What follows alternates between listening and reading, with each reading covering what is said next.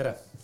tere tulemast kuulama järjekordset episoodi sellest antud äh, podcast'ist, mina olen Kris. ja tervitan sind äh, episoodi kakssada seitsekümmend midagi, täpselt numbrit ma ju ei tea, sest ma natuke salvestan täna ka ette. aga vahva, et sa meiega oled, äh, täna räägime natukene teistel teemadel, millest ma ei ole vist siin saates veel kordagi sellisel tasandil rääkinud ja ma siia pean silmas hetkel vihjet just kinnisvarale kindlasti kogu saade ei saa olema kinnisvarapõhine, küll aga see saab olema mõnes mõttes üks fookuspunkt. Mm, miks just kinnisvara, sellest äh, kohe-kohe on ka kuulda. aga ma ei teagi, mõnusat talve, me oleme siin äh, täna kahekümne kaheksandas novembris omadega, sina seda kuulad, siis tõenäoliselt on juba detsembrikuu käes ja mine tea, võib-olla juba on jõulud käes, ma ei tea. sõltub, millal see saade välja tuleb, et see on selle ettesalvestamise rõõm on ju, et mõnes mõttes saad spekuleerida tuleviku üle, aga kui kätte jõuab, siis sa ei tea, kas sa rääkisid üldse adekvaatset juttu. et aga, aga siis pidage meeles, head kuulajad ja, ja minu tänased äh, kaaskülalised ka, et kõik, mis siis räägite, siis see saab olema tulevikus äh, mineviku segu. Ehm, ja mina soovin sulle head kuulamist, äh, armas hea kuulaja. ja tee mulle üks väike teene ka, enne kui lähme selle saate juurde, et too üks uus kuulaja, kas siis selle saate jooksul või peale seda saadet, too üks uus kuulaja siia podcast'i, siia episoodi, et minu sõnum äh, nende saadetega ja, ja minu külaliste saade või saadetes olevate külaliste sõnum äh, jõuaks rohkemate inimesteni. ega muud ei olegi, hakkame siit pihta, mina tervitan siis ähm, teid, Meelis, Liisa, tere. tere. tervist, tere kuulajad. kuidas teil äh, esmane tunne, vibe on praegu? No esimene kogemus äh, sellises formaadis, üldiselt äh, Meelis on pigem arvanud, et tema ei ole võib-olla kõige suuremas mugavustsoonis, aga mulle tundub, et praegu on Meelisel mugavam kui mul, nii et ta, Meelis, Meelis mõtleb juba ette neid vastuseid, kuidas ta vastab. Ja et äh, mikrofonidega ei puutu iga päev kokku, aga väga põnev kogemus igal juhul ja, ja jõudsime siia äh, elusa tervena stuudiosse kohale läbi paksude lumehangede. jaa no aga mulle meeldib inimestele pakkuda seda esma podcast'i kogemust, mul on päris palju käinud saates inimesi, kes esimest korda tulevad ja ja see on selline omaette äh, kogemus ja mõnes mõttes isegi võib-olla nakatav, et kui te hakkate äh, tegema rohkem kui ühe saate, kas siis külalisena või mm -hmm. näiteks ka ise näiteks teete kinnisvara saate, oletame, kuigi neid Eestis juba on, aga just. jällegi keegi ei, ei, ei tähenda seda, et sa teha oma nišši ega omamoodi, onju. mine sa tea, jah. just. ja kui te hakkate tihedamini salvestama, siis te tegelikult avastate, et äh, kurat, see podcast äh, on jube teraapiline. on küll ja noh, mina olen väga suur podcast'ide kuulaja ja mul on ikkagi päris tihti käinud neid mõtteid peast läbi, et jube äge oleks ise ka ühel päeval kas siis podcast'e teha või äh, mõnes podcast'is külas käia. nii et äh, suur aitäh kutsumast. üks linnukas ja tema maha. absoluutselt. teise linnukesega tegeleme peale saadet. just aga, aga tõepoolest, lähme teemade juurde, et äh, ma olen need üles ehitanud siia selliselt, et on suurem esimene suurem peatuspunkt on meil eraelu, kärgpere, suhted, armastus äh, ja töö koos sellega nii-öelda ja teine pool on siis puhtalt ettevõtlus, äh, kinnisvara, raha ja võib-olla selline mõtteviis mm. -hmm. püüame siis kuidagi loogiliselt minna, mina tähendab püüan teie lihtsalt äh, vastata onju nagu viielised. aga, aga hakkame sellest pihta, et äh, kui ma teie sissejuhatust kokku panin siis ja, ja teie abiga seda tegin siin, siis ma sain aru, et äh, te tutvusite tegelikult koos töötades mm. -hmm. nüüd enne kui me jõuame selleni aga võib-olla see eellugu ei olegi, võib-olla see sebimine hakkas kohe seal töökohas juba pihta. aga tahaks kuulda teie lugu, nüüd kumb selle endale vastutuse võtab või teete selle pooleks, eks ole. tahaks kuulda seda lugu, kuidas te omavahel tutvusite mm, ja, ja võib-olla ka oleks huvitav kuulda, sest et see on mõnes mõttes selline mm,, tahaks öelda uskumus või kuidagi mõtteviis, et tööalased kolleegida ühtepidi on nagu tabu, on ju, teistpidi mm -hmm. on see, et uu, jube kihvt miks mitte mm, -hmm. sest et mhm. armastus ei hüüa tulles, on ju, nagu öeldakse ehm,. tahaks kuulda seda poolt ka, kuidas teie enda see suhtumine võib-olla sellisesse, ütleme, kogemusse eelnevalt oli, kui see endal tegelikult aktuaalselt juhtus. ja mis siis oli siis, kui see kogemus käes oli, sest et siis tavaliselt äh, saad aru sellest, et aa ah,, okei okay,, aga ju siis nii läks. et kuulaks teie lugu, kuidas te tutvusite ja kuidas see armastus tekkis ja siis juba lähme edasi äh, selle, selle teemaga jaa, see oli meie enda jaoks ka väga huvitav ja väga ootamatu tegelikult ka, sest et äh, ma olin juba mõnda aega töötanud Meelise ettevõttes. ja kuidagi lihtsalt elud läksid niimoodi, et äh, me mõlemad sattusime sellisesse kohta, kus me olime avatud. Äh, lisaks sellele, et me olime kolleegid, on meil ka natukene vanusevahet ja see ei olnud midagi sellist, mida, mida me oleks kumbki kuidagi ette näinud või otsinud. ja minul vähemalt oli küll ikkagi väga tugevalt see uskumus, et, et no see koostöötamine Äh, inimesega, kellega sa oled paar, ei saa kuidagi toimida ja, ja võib-olla see alguses natukene hirmutas ka. aga meil läks kuidagi tõesti nii orgaaniliselt kõik, et äh, polnudki seda hetke, kus äh, kuidagi mõelda või mingit pidurit tõmmata, et lihtsalt ühel hetkel käis mingi klikk kui ma esimest korda Meelist nägin, siis ma ütlen ausalt, et äh, mul isegi ei tekkinud väga mingit sümpaatiat. aitäh ilus kompliment et pigem vastupidi, ta oli lihtsalt minu jaoks äh, ülemus. aga elul on mingid huvitavad käigud ja, ja me mõlemad laskusime tol hetkel äh, vist lihtsalt sellisesse usaldusse ja läbi selle ma arvan, et äh, mõttetööd väga ei olnud, lihtsalt äh, elu ja intuitsioon suunas lihtsalt ülemus kõlab kuidagi väga halvasti. Me lihtsalt meeldiv ülemus. Alguses isegi mitte meeldiv kas äh, Meelis tahab kommenteerida, mis äh, seis sellega huvitav on, et mitte meeldiv alguses? Või kuidas sina Liisat alguses vaatasid, ka lihtsalt sellist äh, kui järjekordset töötajat või, või sul oli see, et okei okay,, midagi teistmoodi? alguses ma vaatasin lihtsalt kui mm -hmm. väga tubli ja, ja töökas noor, kes ei kartnud mitte midagi ja, ja oli väga hea suhtleja ja sai oma asjadega ülihästi hakkama, ükskõik mis äh, rolli me ta seal aeg-ajalt äh, ümber tõstsime. et äh, ei, ei oska kommenteerida, miks ma selline ülemus, ülemus olin. võib-olla sellepärast, et ma ei olnud äh, võib-olla ma ei suhelnud nii palju ja, ja tegelesin oma asjadega ja, ja, ja, ja võib-olla sellepärast ma tahan siia vahele tuua, ma ei tea, kui paljud, ma eeldan, et te olete, teil on, kas teil on olnud enda, sinul on olnud tiim töötajad, eks ole, kas yeah. Liisa, sa oled ka olnud sellises seisukohas, kus sul on nii-öelda mitte alluvad, aga meeskond, kus sa siis saad tiimi juhtida? ei ole. okei okay., mis me oleme näinud, ma ise olen sedasama asja saanud kogeda nüüd äh,. ja see on hästi huvitav, sa mainid seda äh, Meelis, sest et see mõnes mõttes on äh, see on nagu nii valesti mõistetav teinekord, et sa ütlesidki, sa ilmselt olid seotud enda asjadega, ülifokusseeritud enda tööle, eks ole, tegemistele. Ehm, mõnes mõttes juhi pool on tegelikult ju tegeleda sellega ka, et äh, suhelda oma kolleegide, töötajatega, õppida tundma, onju, aga teiselt poolt, kui sa oled inimene, kes on võib-olla high achiever või, või tõesti väga fokusseeritud, siis tihtipeale ma olen saanud neid samu kommentaare, et issand, sa tundud nii kuidagi kuri või tõre täna, sest ma ei suhtle aga see ei tähenda, et ma olen kuri tõre, ma lihtsalt tulen kohale, ma teen mm -hmm. oma asja. E, e, ma ei taha nagu chit-chat ida lihtsalt. täpselt, et tegelikult äh, tegelikult ongi, et selleks äh, suhtlusest, suhtluseks ja küsimusteks ja vestlusteks on, on oma aeg, et, et, et, et igal, igalühel ongi see oma päevakava kuidagi paika loksunud ja ja tihti, tihti oligi vaja nagu öelda, et, et ma hea meelega räägin sinuga poole tunni pärast või tunni aja pärast ja, ja absoluutselt täpsustada ka natukene, et äh, Meelis oli selles mõttes nagu ülisuper ülemus, et äh, tema ja tema äripartner, äh, ma ütlen ausalt, ma midagi sellist ei ole varem näinud. oma äri te tegite ikkagi nagu super hästi.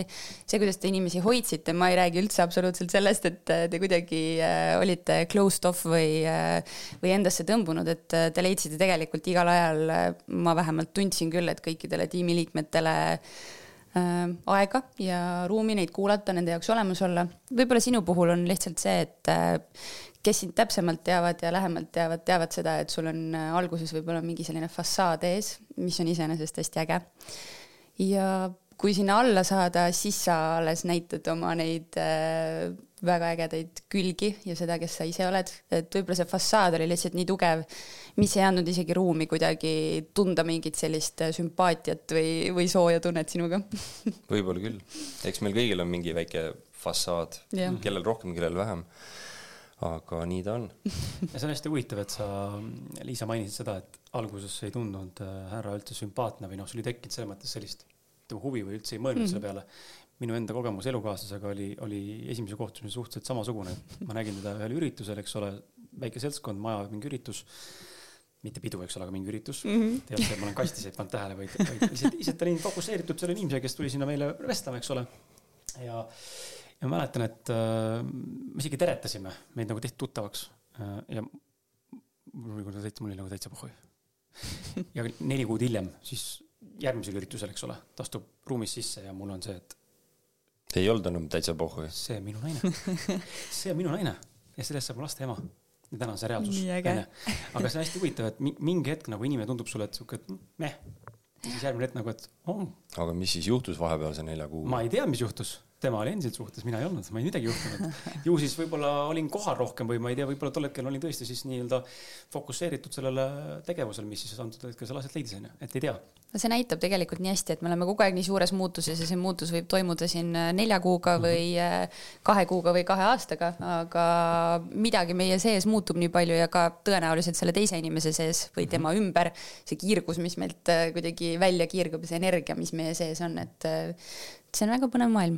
nii et sebimise tipp number üks Tiktokis siitsamas kohe, et äh, ära anna alla, sest et mitte kunagi ei tea, millal see võib pöörduda, onju, kaalekauss. täpselt. ja samas ära siis või oska siis võib-olla tõmmata neid piire ja näha, kuskohast on see asi nagu lootusetu onju. et ei tohi maniakaalseks muutuda. või, või jüngriks mõni võtabki pähe, et ära anna alla siis käib kolm aastat inimese järgi onju.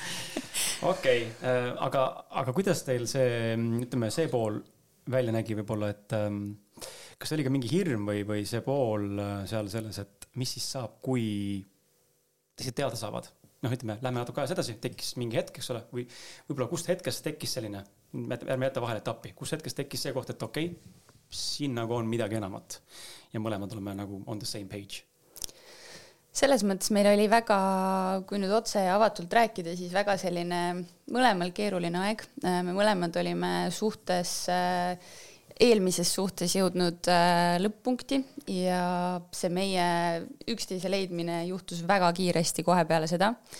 ma arvan, et see oligi see, et me mõlemad lihtsalt kuidagi vabanesime ja see oli soodne pinnas, et üksteist toetada, üksteise jaoks olemas olla, sest et mõlemal oli keeruline. aga kuidagi kogu see protsess oli ühest küljest ebamugav, sest et ikka on hirmud, et esiteks, mis töökaaslased mõtlevad, äh, raudselt tuleb sealt mingeid äh, jutukesi, mis mööda linna hakkavad kuskil äh, ringi liikuma, mis perekond arvab, et kõigil on ju alati oma arvamus millestki ja eriti, kui see on midagi värsket, millest keegi midagi veel ei tea, siis kipub sealt tulema neid nõuandeid, mis tingimata ei olegi väga oodatud alati. aga ikkagi seesama asi, et äh, me vist olime mingis sellises flow's, et me kuidagi ei lasknud ennast häirida mitte kellegi kommentaaridest. ja kui me pärast jõuame siin selle kärgpereni, siis äh, see oli loomulikult äh, üks kõige keerulisemaid osasid, et kuidas seda kõike võimalikult valutult teha. et kuna Meelisel on ka lapsed, kes tol hetkel olid vist üksteist ja neliteist või see on niisugune korralik vanus, kus äh, juba teadvustad, et tuleb uus ema või uus isa ellu vaata ja, ja, ja pead hakkama sellega nagu toime tulema. see on, äh, see on niikuinii juba keeruline mm -hmm. nii-öelda iga lapsele endale mm, -hmm. et kõikide oma asjadega hakkama saada ja siis noh, igasugune lisa selline stiimul, stiim, stiimul või ko koormus või üllatus veel. et noh, et eks see ei, ei olnud lihtne aeg mm. -hmm jaa, just. ma teen äh, väikse meeldetuletuse ka teile, et ma näen, et Liisa tahab äh, Meelisele otsa vaadata, mis on jumala fine. Äh, mikrofon ei pea otse sul ees olema et sa võid teda viltu ka hoida ah,. As long okay, as, as long as sa räägid nagu enam-vähem sinna mm -hmm, sweet spot keskele onju. väga hea, aitäh. alt ülevalt, alt ülevalt, vasakult paremale, noh, ei ole vahet, et sa võid siin niimoodi ka rääkida, et saab hästi aru sellest. ma ise olen ka viltu teinekord just sellepärast, et mul on nagu, kui ma pöördun, siis ma saan ikkagi rääkida. okei okay,, väga hea, hea, anna mulle nippe. ja võid liigutada mööda lauda kaasa, et tal on pehmendus all siin isegi noh, rääkides ei ole kuulda onju, kui mm -hmm. vaikuses oleme, siis on kuulda Äh, tundke vabalt, onju, minu podcast'is ei ole reegleid, siin võib kroksutada, peeretada, röhitseda, tehke, mis tahate. tunne on väga hea aga lähme, lähme siit edasi, okei okay., äh, mis mind tegelikult huvitab, on see pool ka, et ähm, Liisa rääkis mineviku vormis, et Meelis oli ähm, hea juht, ta ettevõte oli kihvt äh,, kihvt äri oli, mis see tähendab, et siis täna enam sedasamat ettevõtet, kus te tutvusite, ei ole või miks see on mineviku vormis äh, ja kas põhjus on siis selles, et ikkagi läksite suhtesse, et siis lagunes ettevõte ka?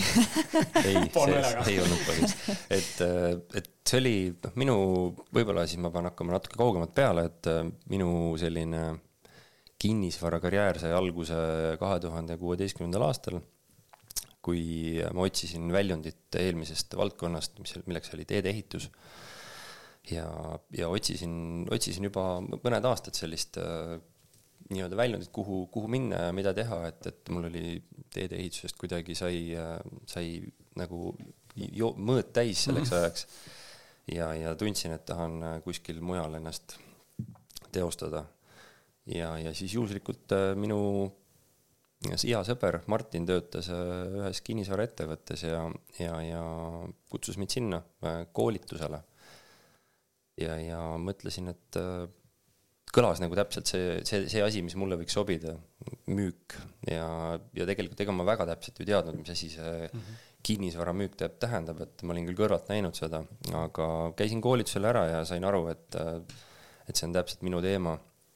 ja siis tegingi selle switch'i ära, et esimene aasta tegelikult tegin natukene küll, peab tunnistama, paralleelselt neid asju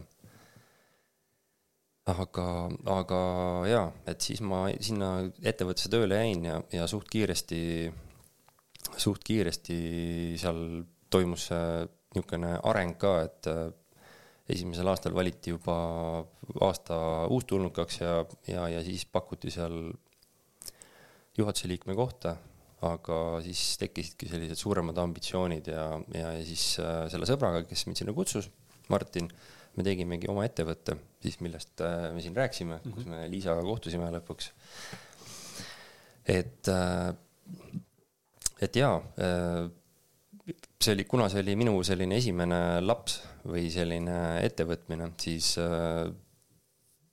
ikka inimesed teevad aeg-ajalt ka selliseid juhtimisvigasid, et, et, et ka selle ettevõttega, see oli küll väga edukas ja väga äh, väga kihvt äh, äri meil, et äh, väga omanäoline ja uuenduslik ja nooruslik, aga, aga kuna see äri kasvas päris kiiresti ja inimesi seal, meil oli vist äh, vahepeal lausa kakskümmend, kakskümmend viis maaklerit, et, et jaa, et te, olen, olen teinud omad korrektuurid ja õppinud nendest vigadest, mis ma selles äris tegin täna me oleme läinud edasi ja, ja meile, mulle sobib ja Liisale ka selline peremudel, nagu meil täna on är, äri mõttes ja, ja me oleme, meile väga meeldib see, mis me teeme ja, ja, ja naudime seda, et, et ei ole hetkel alluvaid, et meie olemegi need, kes iseendale allute? kes me iseendale allume ja oma tempot hoiame nii-öelda. selleni kohe jõuame ka, kuidas teil selle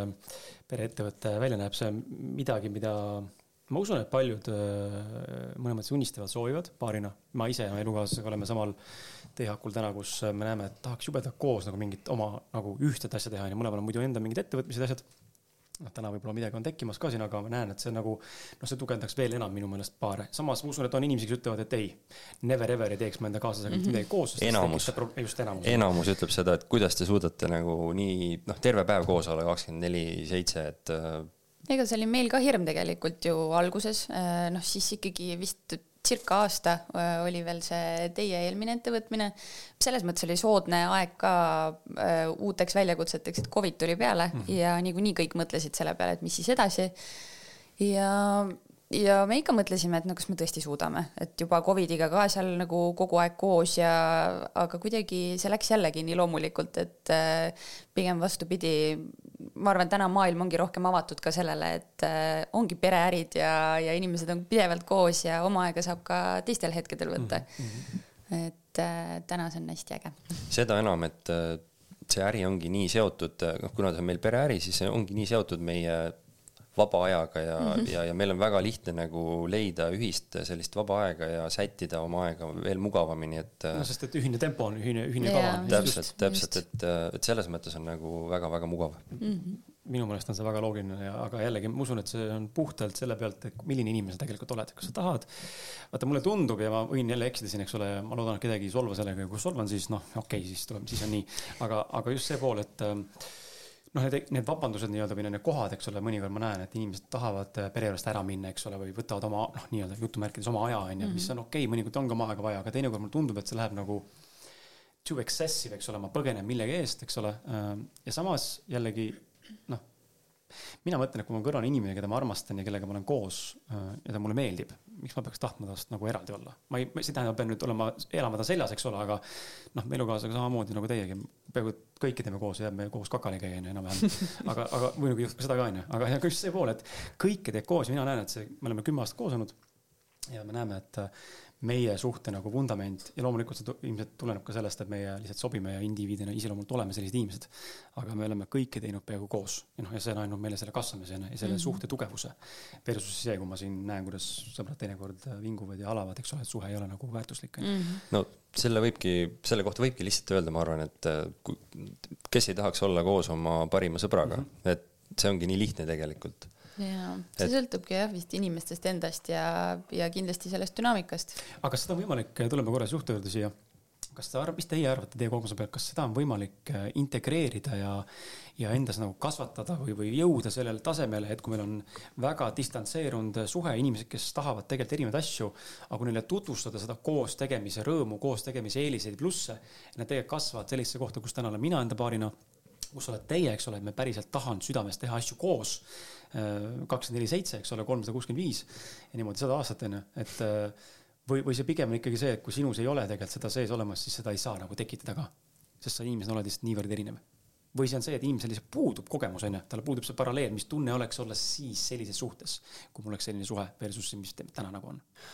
väga hea küsimus, ma arvan, et äh, see on inimtüübis kinni ikkagi, noh, eks, eks seal on nii üht kui teist, et inimtüübist kinni, ma arvan, et tegelikult äh, ka selles, äh, nagu Liisa mainis, et äh, suhte dünaamikas, et, et et kui sa leiad enda kõrvale sellise nii-öelda, ongi siis kas kõige parema sõbra või hingesugulase või või, või inimese, kellega sa tahad nagu, tunned, et sa tahad mm aega veeta, et, et, et siis see võib muutuda nagu, et, et ei saa, ma arvan, et ei saa otsustada võib-olla eelneva järgi, vaid äh, nagu me oleme suures muutuses siin kogu aeg ja mm. me kunagi ei tea, mis meid järgmine päev ootab.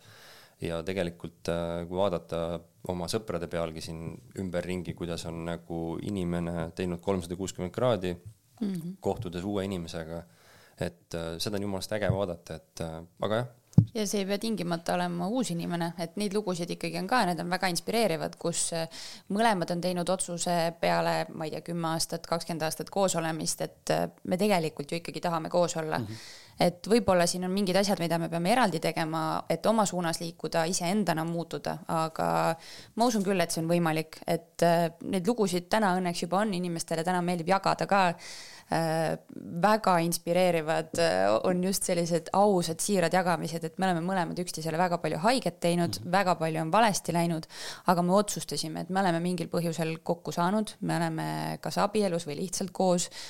ja mulle tundub küll, et kui mõlemad teevad selle otsuse, et äh, ma soovin sinuga koos olla, siis on võimalik sisuliselt ka täielikult muutuda. et lihtsalt see peab väga tugevalt mõlema inimese seest tulema. tuleme selle kärgpere juurde selgitada võib-olla siis kuulajatele ka, mis on kärgpere, kui definitsiooni järgi veel ei teata. Ähm, ja kuidas see, ütleme, dünaamika seal siis nagu suhestus, et äh, Liisa, sul ju lapsi ei olnud? ei. Teil täna on ühised lapsed? ei ole veel. veel ei ole. et äh, mina ise olin sama seises, seisus, kui mul isal tuli elukaaslane, kes siis tänaseks on endiselt isaga koos ma olin, noh, ütleme, ma ei mäleta täpselt, mis vanus see oli, aga see oli ka selline sinu laste vanus, eks ole. Ja isa mul äkki viiskümmend üks, kaks, kolm, nüüd täpselt ei tea, matemaatikat ei suuda teha, viiskümmend kolm vist. ja elukaaslane, kes tal on siis, äh, on minust kaheksa aastat vanem. Noh, et see on ikkagi, oli minu jaoks nagu väga väike vahe, eks ole, tol hetkel ma ju ei teadnud, mis ta vanus on, aga ma sain aru, et ta on noor inimene. täpselt sama asi ja no ei olnud nagu väga lihtne võib-olla temal ühtepidi hakata mm -hmm. emaks olema, on ju, mingisuguse üheteist-kaheteistaastasele lapsele, poisile, pubekale ja teistpidi mul võtta siis äh, vastu nagu uut inimest perekonda, kes noh, näeb välja nagu mu sõbranna onju, mhm. öeldes. et noh, täna muidugi on nagu lugu teine onju, kõik on täiskasvanud ja me saame aru sellest onju, aga kuidas teil see dünaamika oli, kui, kui, lihtne või kui kerge see teekond oli? mida te näete, et äh, kui kuulajad, kes täna kuulavad ja on samas situatsioonis või samas situatsioonis äh,, situatsiooni sisenemas või eelnevalt olnud selles situatsioonis mida siit kaasa saaks võtta, mingeid näpunäiteid, kogemusi, mida nagu soovitusi, mida teha või ja loomulikult äh, soovitusi tähendab seda, et kohe siis see toimib, nende puhul mm -hmm. toimib, aga teie kogemus no üldiselt noh, ma arvan, et ikka, kui äh, selline olukord tekib, siis inimesed hakkavad kohe mõtlema, et mis see dünaamika olema saab ja mis rolli nüüd keegi võtab ja, ja kes siis mingit, äh, kes keda peab hoidma ja mismoodi see kõik nagu toimima saab hakata ja meil oli ka alguses ikkagi väga palju siin äh, nõuandjaid, äh, meil on täna õnneks sellest räägitakse tegelikult hästi palju, on raamatuid, on terapeute, kes sellest väga palju räägivad, äh, ka meie leidsime enda kõrvale ühe imelise terapeudi, kes on meid hästi palju aidanud. aga ma ütleksin, et võib-olla võib-olla ma nüüd räägin vastu väga teadlikele inimestele, aga kui siin alguses räägitakse nendest rollide loomisest või sellest, et äh, kas mina oleksin pidanud võtma ema rolli või mitte, siis äh, meile tundub, et see peaks igas suhtes minema väga niimoodi, jälle mu lemmiksõna, dünaamiliselt, et äh, et ei saa otsustada ette ära, kui inimesed ei ole koos toimunud, et kas mul on nüüd ema roll või ei ole, et äh, Meelise lastel on imeline ema, äh, ta on täielikult ema rollis. Neil ei ole vaja tegelikult sinna kõrvale täna ema, vaid äh, minu roll on seal perekonnas hoopis midagi muud, ma olen isa kaaslane, ma olen võib-olla sõbranna neile, kui see niimoodi läheb, aga et see tegelikult ei peagi olema see, et ka mina hakkan kuidagi kasvatama või et äh, nad on ikkagi selles osas äh, nüüd tänaseks juba ka suured äh, tüdrukud ja suured inimesed ja, ja kogu see nii-öelda selle, sellesse dünaamikasse kasvamine on olnud ka omaette protsess aga ma arvan, et kõige olulisem ongi see, et hästi jooksvalt vaadata seda, et kuidas keegi tunneb äh,. ei pea ka võtma, kui on peres rohkem lapsi kui üks, siis ei pea võtma ka nii-öelda ühe puuga, et samamoodi nagu on sõbrad-sõbrannad, samamoodi on ju need äh, kaks last ja siis praeguses olukorras mina või ükskõik, kes äh, siis omale kärgpere loob, et samamoodi on need suhted erinevad inimeste energiad erinevad, et pigem olla hästi avatud, äh, üritada hästi rahulikult võtta ja kõik see, et noh, mingil hetkel kõik ootasid Meelisest seda, et kaitse mind, ole minu jaoks mhm. olemas, palun aita. palun, ma ei tea, nüüd seisa minu eest ja nüüd jälle seisa tema eest ja et äh, tegelikult me tänaseks oleme aru saanud, et kõik peavad oma elu edasi elama mhm. äh, kui hakata seal mingeid selliseid mänge mängima, et kes kelle poolel on ja kes mitte, siis, siis see lihtsalt sealt tekib nii palju juba konflikte ja, ja võib-olla isegi mingeid äh, nagu pseudoprobleeme, mida ei oska ette näha ja ma olen äh, suures pildis Liisaga nõus, et tegelikult äh, inimesed on erinevad ja mingit kindlat valemit ei ole.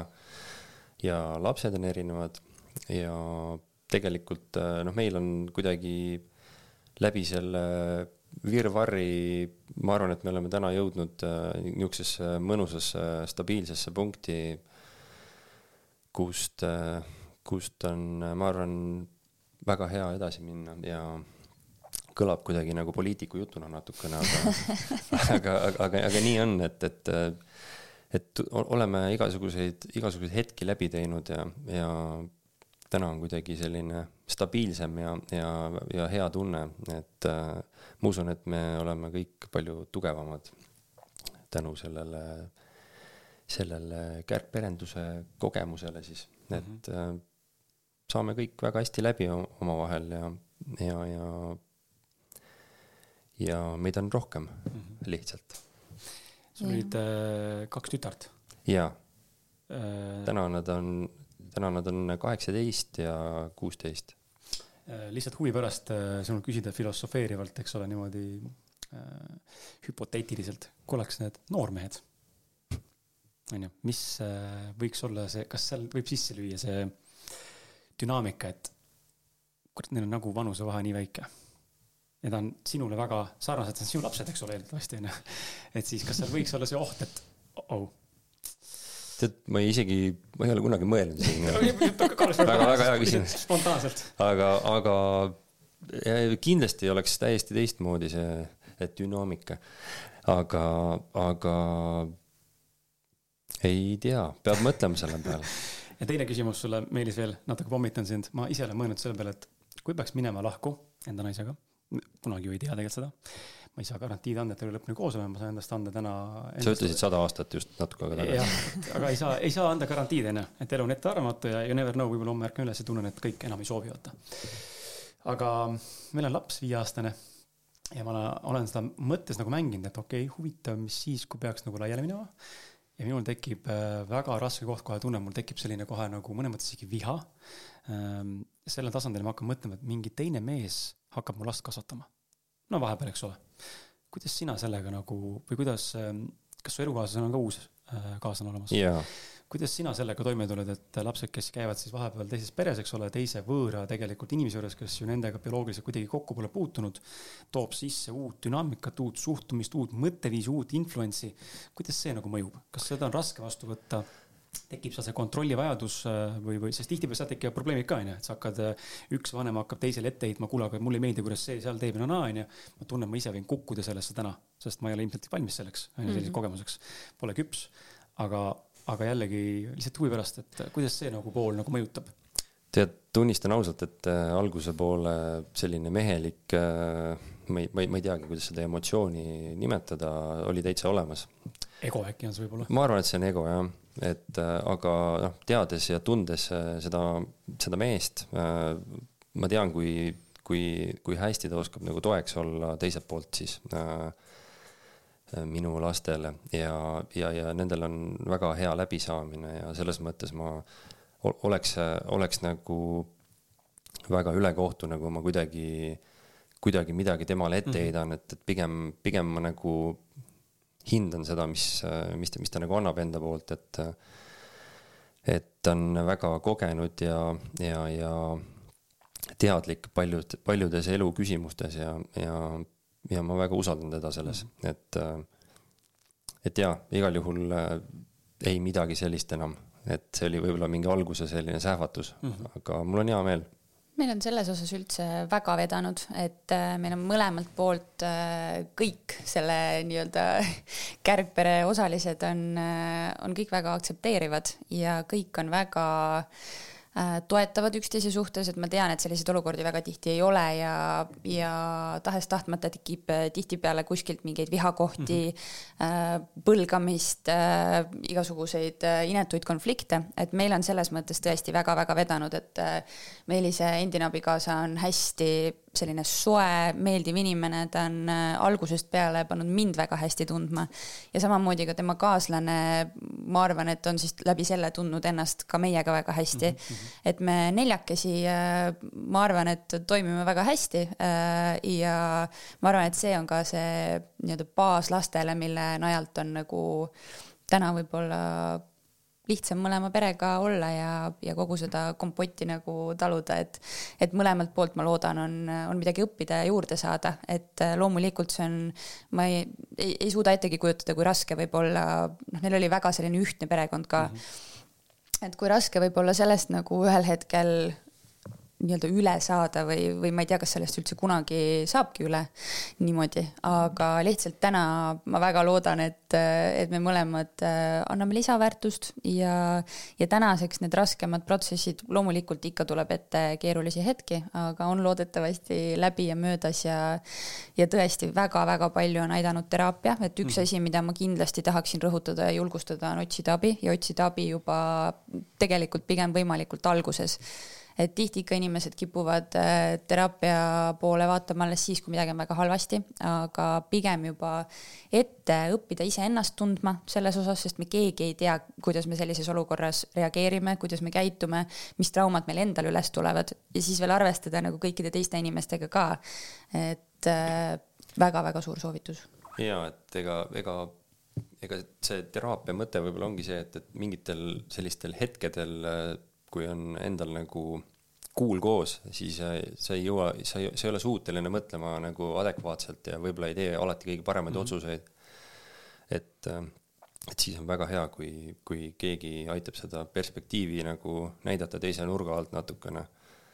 ja, ja päris, päris, äh, meid on väga palju aidanud ja ma, ma ka julgen soovitada, et et see on selline, sellest võib saada selline isegi selline sõltuvus kergelt mm, -hmm. et, äh, et mitte ainult ei pea sinna minema siis, kui nagu midagi hapu on, vaid mm, -hmm. vaid tegelikult äh, seda perspektiivi on hea siin tihemini jälgida nii-öelda. peegeldust on hea saada teinekord mm -hmm. inimesed, kes sind ei tunne, onju. vanasti oli see teraapia kuidagi hästi siukse halvamaiguline, täna on ta pigem juba inimeste jaoks noh, mõne mõttes ta võib olla jah, mingite traumade ja valukohtade lahti häkkimise tööriist, aga teisalt nagu sa ütlesid ka, ta võib olla vabalt ka see, et ma tahan lihtsalt natukene saada uut perspektiivi või, või mm, näha seda teist nurka enda nagu vaatele, sest tihtipeale me oleme endas mõistuslikult kuidagi kitsaskohtades ju, tupikus mm. -hmm. vanasti pandigi selline valge pikkade varrukatega särk mm -hmm. teraapias tihti inimestele selga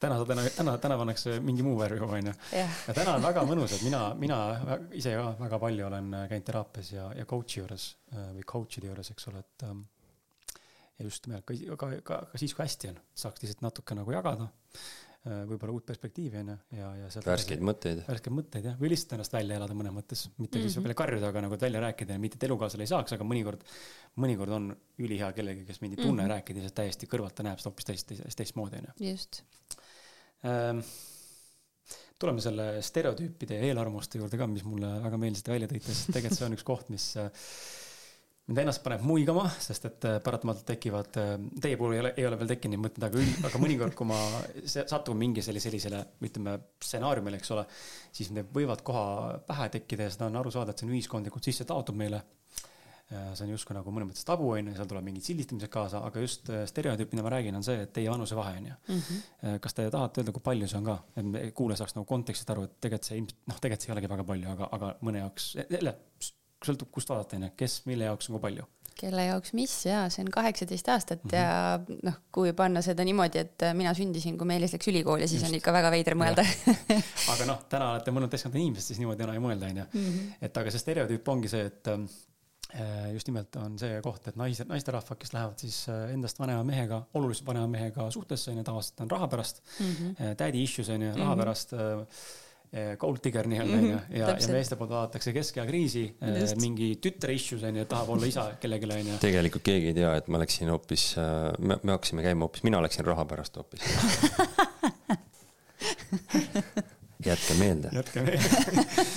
Et aga, aga, aga teine pool on ka see, et ähm, noh, ma ise olen seda siin ähm, ka seda sotsiaalmeedias vaadanud, on ju, et ühelt poolt ongi noh, vaata, seal on see, nagu teine võrrand ka, on ju, et selge see, et küp-, vanemad mehed on küpsemad, elukogemust on rohkem, läbi töötanud ennast rohkem, on ju, et ähm, et see on ka põhjus, miks äh, ma kujutan ette, et miks äh, võib-olla vanemas äh, eas või ütleme seal neljakümnendates, kolmekümnendate lõpus keskel olevad naisterahvad ei lähe kaheksateistaastase noorega kokku onju suhtesse tõsiselt, okei okay,, sa võid seal mingisuguseid mänge mängida korraks, eks ole, põnev onju, noor härg, aga, aga üldiselt suhtesse ei lähe, sest laps, noh, ta on ikka laps, ta ei ole valmis tegelikult ennast pühendama onju.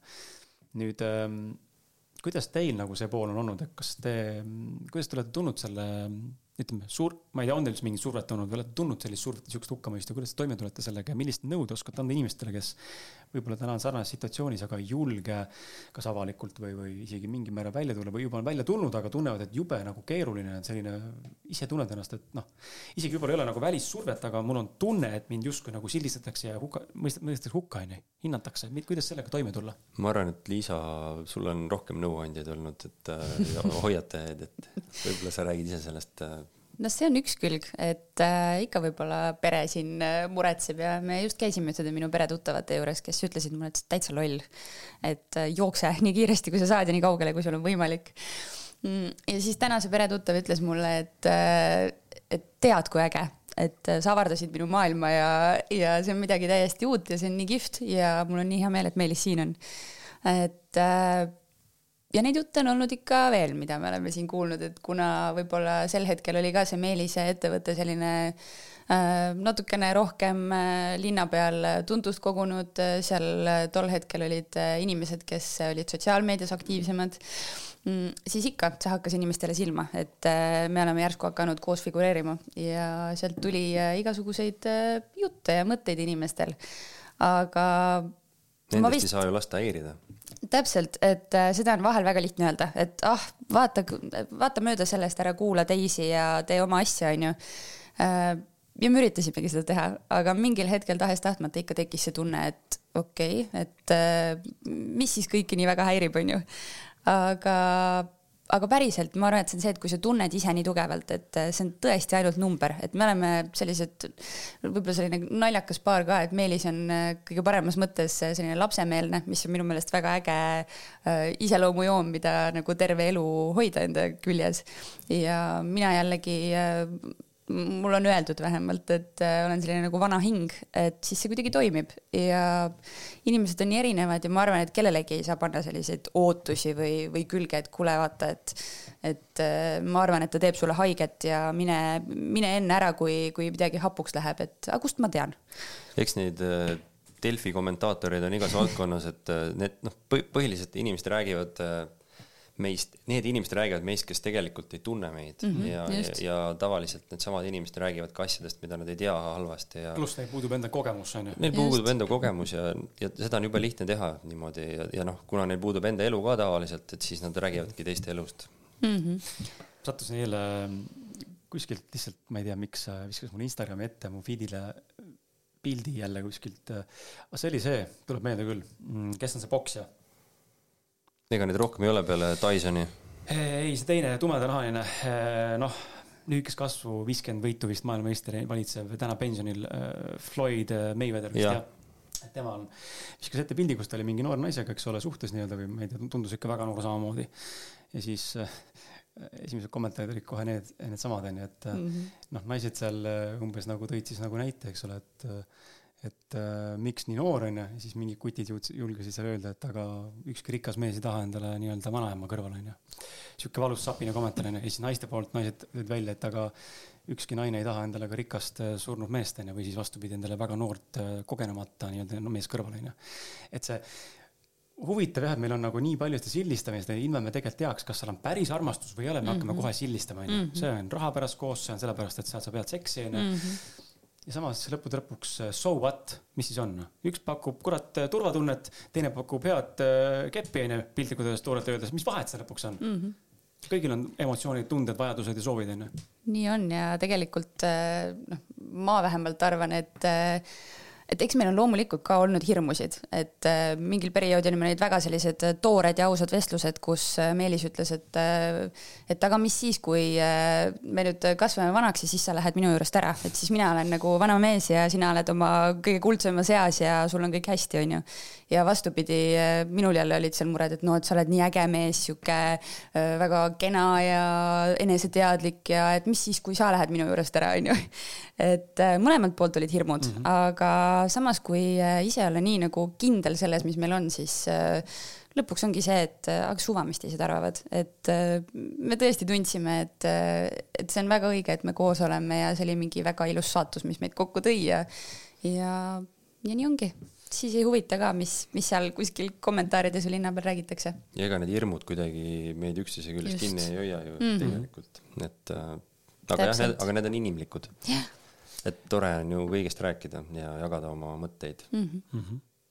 tuleme selle dünaamika juurde, et ähm, kuidas on teie eneseareng olnud selles mõttes, et ähm, nii üksteise kõrval kui ka eelnevalt ja, ja kuidas te jätkuvalt seda vaatate, et äh, noh, üldiselt on, üldiselt on niimoodi, et inimesed, kes on edukad, äh, edu nüüd defineeritav, eks ole, kes, kuidas, mis mõõdupuult teda vaatab, kas me vaatame rahast, staatusest, karjääriredelist, äh, ma ei tea, hariduskäigust on ju, või millest iganes veel, äh, või sotsiaalsest staatusest, aga milline on olnud teie enesearengu tee ja, ja mis on need asjad, millega te igapäevaselt ennast arendate ja ennast kuris hoiate, kas need on, ma ei tea, loete te raamatuid, käite koolitustel, vaatate mingeid filme tegelete podcast indusega, tegelete kirjutamisega, päeviku pidamisega või, või käite kuskil mingite trennides, olete tervislikud, et kuulaks seda enesearengu poolt just nagu selles suunas, et kuidas te toidate enda keha ja mõistust ja mida oskate inimestele soovitada, kes tahaks kas siis individuaalselt või koos kasvada,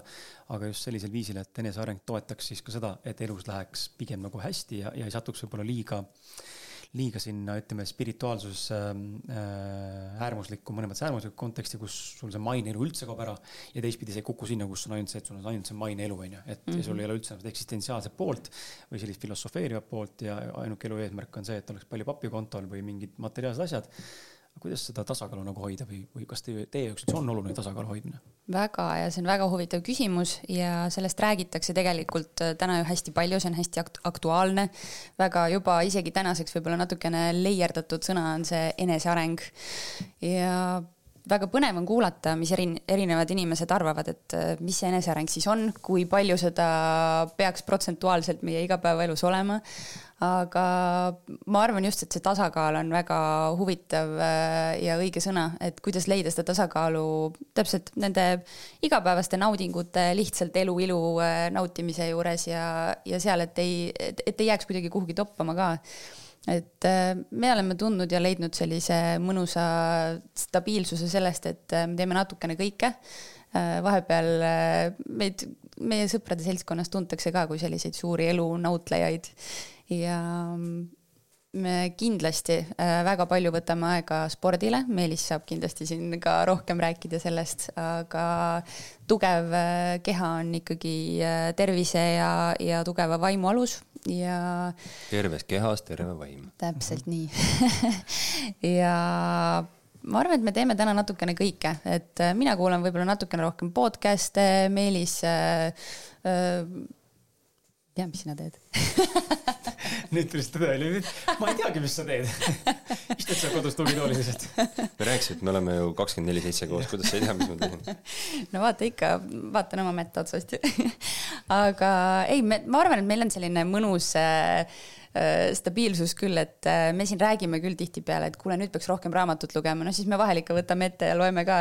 aga mina olen see päevikusse kirjutaja ka, ma leian, et see on väga maandav. Äh, tihtipeale kahjuks siis, kui on keerulisemad hetked, et ma olen mõelnud, et võib-olla peaks nagu positiivsemaid asju mm. ka hakkama üles kirjutama. et see on võib-olla selline põgenemiskoht olnud, et kui on raske, siis lähen ja kirjutan kõik emotsioonid endast välja aga mul on sama teema. on jah?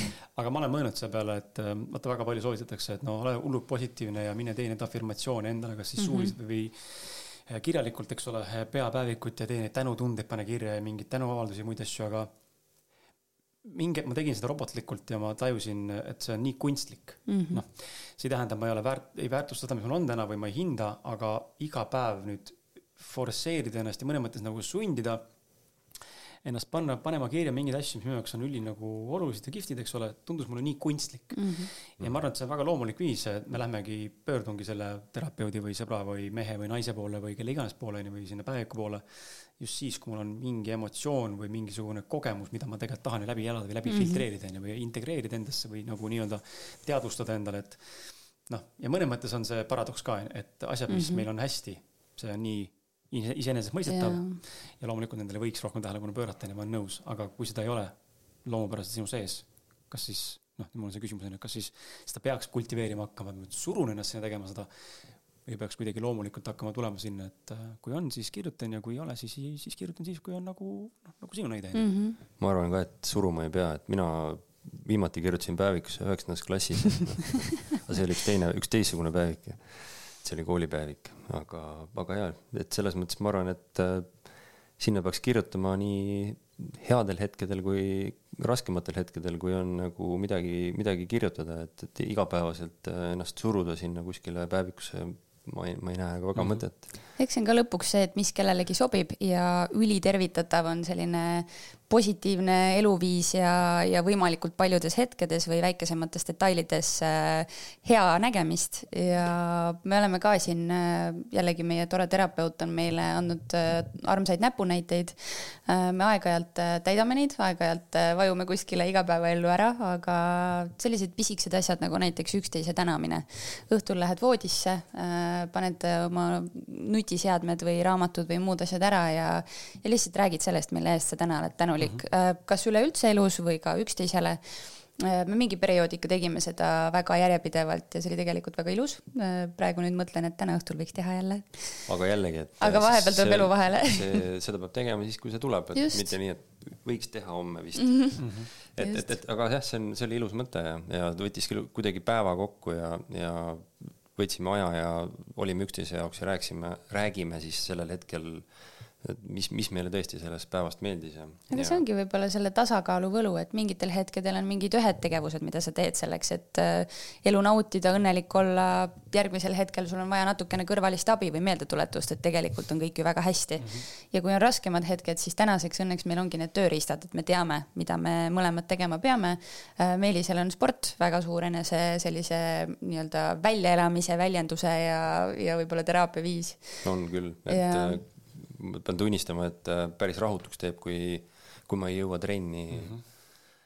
et mul on kuidagi selline niisugune viis korda nädalas üritan käia ikkagi erinevaid siis asju tegemas, kuidas parasjagu jupid lubavad.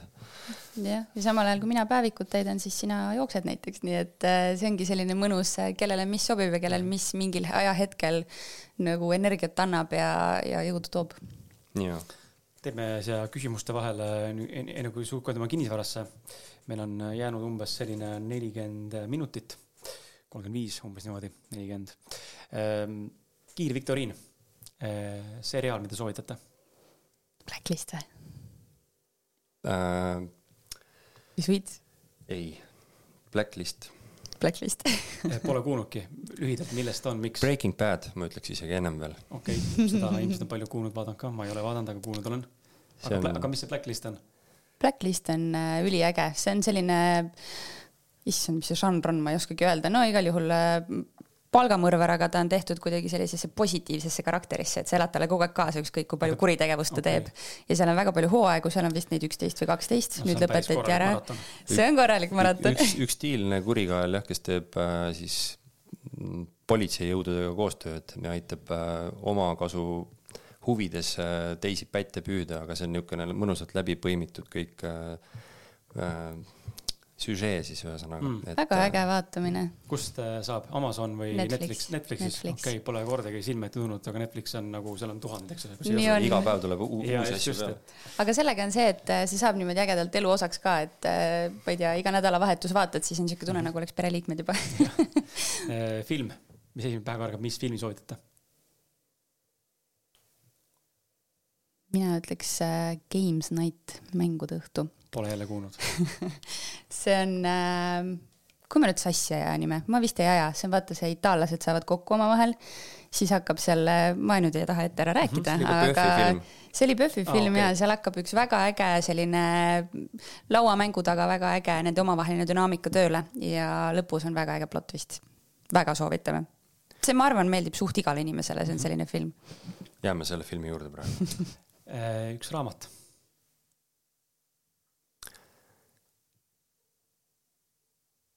Äh, see on juba klassika, seda võib-olla öeldakse väga palju ja ilmselt kõik teavad seda, aga kuidas võita sõpru ja mõjutada inimesi mm, -hmm. see on selline. Dale Carnegie raamat vist on või? jaa, see on äh, ideaalne meeldetuletus, mida peaks tihemini tegema, mul vahepeal oli komme oma highlight itud kohti üle lugeda, nüüd ei ole ammu teinud, aga kõige pisemad asjad nagu äh, kassapidajale naeratamine mm -hmm. ja, ja sellised inimlikkused, mis äh, ta lihtsalt, ta kirjutab nii hästi mm, -hmm. et äh, sul tekib kohe selline motivatsioon olla parem inimene ja ma ütleks siis pista nahkasega on mm. -hmm. selline, selline lihtne, lihtne õpik, aabits, kus äh,, mille mõte siis on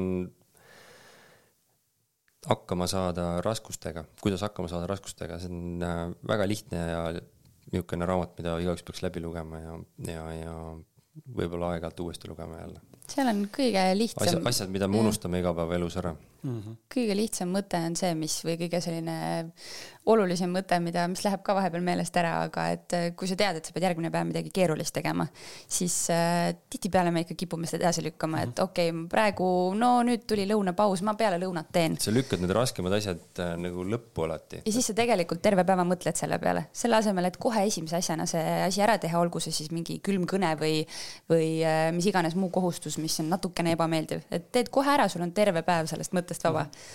Ja ma soovitan ka Peeter Oja elulugu kuulata see on väga pikk lugemine. kuulata? ei, vabandust, lugeda. lugeda, okei okay,, mõtlesin äkki audioraamatut. jaa, ei, ei. okei okay, ähm,, kas tuleb ka mõni podcast? välja arvatud siis Eesti podcast'id, konkurente me siin saates ei maini, nali. kui on Eesti podcast'e soovitate, siis võite soovitada, kui on välismaa podcast'e ka no mina olen väga suur äh, Täitsa Pekkis saate kuulaja ja ka sinu saate kuulaja, et mulle meeldivad sellised ausad, avatud vestlused ja, ja mulle meeldib see, kuidas äh, on tunda, et inimestel on mugav, kui neid intervjueeritakse, et see on väga suur oskus ja väga hea on kuulata. mina nii suur podcast'i kuulaja ei ole, aga, aga ma olen kindlasti ma olen kuulanud, see on üks, üks tuntumaid Eestis, Kris Kala, niisugune mees, et jaa et mulle tema, tema sellised saated nagu sobivad hästi. minge otsige üles, äkki leiate kuskilt. Ehm, ma tulen seriaali juurde tagasi, enne kui lähme teie kinnisvara juurde, mina soovitan nii teile kui kuulajatele The Boys oh.. olete kuulnud, ei ole? mul on ette tulnud küll seal soovitustes. see on üks neli aastat juba vana, võib-olla kolm hooaega on väljas, neljas kohe varsti tuleb. aga The Boys, kui olete Marveli fännid, kui olete. mina väga ei ole. nii siis The Boys on äh, seriaal, mis äh, ma ütleks, et äh, muutis sinu elu? jaa, ma olen Marveli fänn, aga The Boys lükkas minu jaoks Marveli nagu noh, liiva alla. et Marvel viimasel ajal minu jaoks on läinud äh, lapsikuks, eks ole mm, -hmm. läbi naljade asjade. see tõsisus on nagu ära kadunud sealt tagant. The Boys on väga, väga tõsine, väga robustne nii sõnavaralt kui ka vereefektid versus Marvel, kus on sihuke lastesõbralik rohkem, siis seal on ikkagi väga robustsed ja väga verised kaadrid mm. -hmm. ülihea plott tema esimesest osast äh, nii hukt elukaaslasega, et sa ei suuda lihtsalt seda kinni panna ja osad on tund aega, väga pikad osad, eks ole. ja need kangelased, kes seal siis peategelased on, äh, väike plott twist on see, et nad tegelikult on halvad. ehk siis seal on superkangelased, kes tegelikult on halvad. ja ta näitab väga tugevalt seda ühiskondlikku fassaadi, kuidas me sotsiaalmeedias ja kaamerate ees enda brändi imago jaoks näime ühtemoodi mm. -hmm. aga nii kui kaamerad kinni pannakse, siis see agenda tegelikult äh, natuke on see vandenõu teemad ka sees, aga just see mm -hmm. agenda nagu nendel superkangelastel on tegelikult ikkagi sihuke oma perset täitev ja toitev, et väga soovitan, äh, ma arvan, et meeldib. väga, väga kihvt, väga kihvt CGI, väga hästi tehtud ja Seth Rogen, see koomik mm, -hmm. on üks produtsentidest minu arust, kui mitte režissööridest. et okay. ta on sihuke huumorit, rõvedust, äh, samas on ka tõsidust. võtame, võtame enda listi jah, ja väga äge, et sa räägid sellest, sest et äh, täna kuidagi on hästi palju meil siin ümber sellist juttu ka, et äh, tee oma ajaga midagi targemat, et ära vahi seda Netflixi, vaid mine ja loe raamatuid mm -hmm. või mhm. äh, tee midagi muud, mis annab sulle ka midagi. aga me oleme just omavahel rääkinud, et äh, me kuidagi leiame vastupidi nagu isegi nendest kõige tobedamatest sarjadest midagi. et seal on ju tegelikult on need kõik ju läbimõeldud niimoodi, et inimesed Midagi. õpiks midagi ja leiaks midagi. et äh, ma arvan, et see on väga tervitatav, et äh, sellest ka rohkem rääkida ja see on selline kaks ühes äh, aju puhkamine õppimine ja samas, samal ajal sa õpid kindlasti ka midagi. mina väga hindan seda, kui asjad suudavad panna mind mõtlema ja mm, -hmm. ja avada mõttemaailmat ja, ja just nimelt luua seda perspektiivi ja mõnes mõttes isegi šokeerida võib-olla. et see poiss kindlasti šokeerib ja, ja on nagu väga illustratiivne näide, mis tegelikult täna maailmas mõnes mõttes toimub ja noh, need filmid ka, eks ole, Fifty Shades of Grey sarjad või, või mingi mhm. kolmsada kuuskümmend viis päeva, kolm või neli episoodi onju mm -hmm.. tegelikult on väga elulised ja mõnes mõttes labane, väga sihuke klišee film, eks ole, aga tegelikult näitab väga selgelt seda, mida inimesed tahavad mm, -hmm. miks mingid probleemid tekivad, onju, et noh, kes oskab vaadata, see oskab. kes yeah. just, sa ütlesid täpselt selle ära, mida ma mõtlesin, et, et see on, vahet ei ole, kas sa vaatad filmi või kuulad mõnda laulu, et sa saad teha seda niimoodi mm -hmm. mööda minnes ja pealiskaudselt ja, ja, ja vaadata, et ma ei tea, mõnes filmis ainult plahvatab igal pool midagi mm -hmm. ja, aga tegelikult äh, noh, on võimalik äh, välja lugeda tihtilugu sealt mingi sügavam mõte mm. -hmm. et kes, kes näeb seda, kes ei näe ja kellele sobib mingi žanr, sellele sobib. just.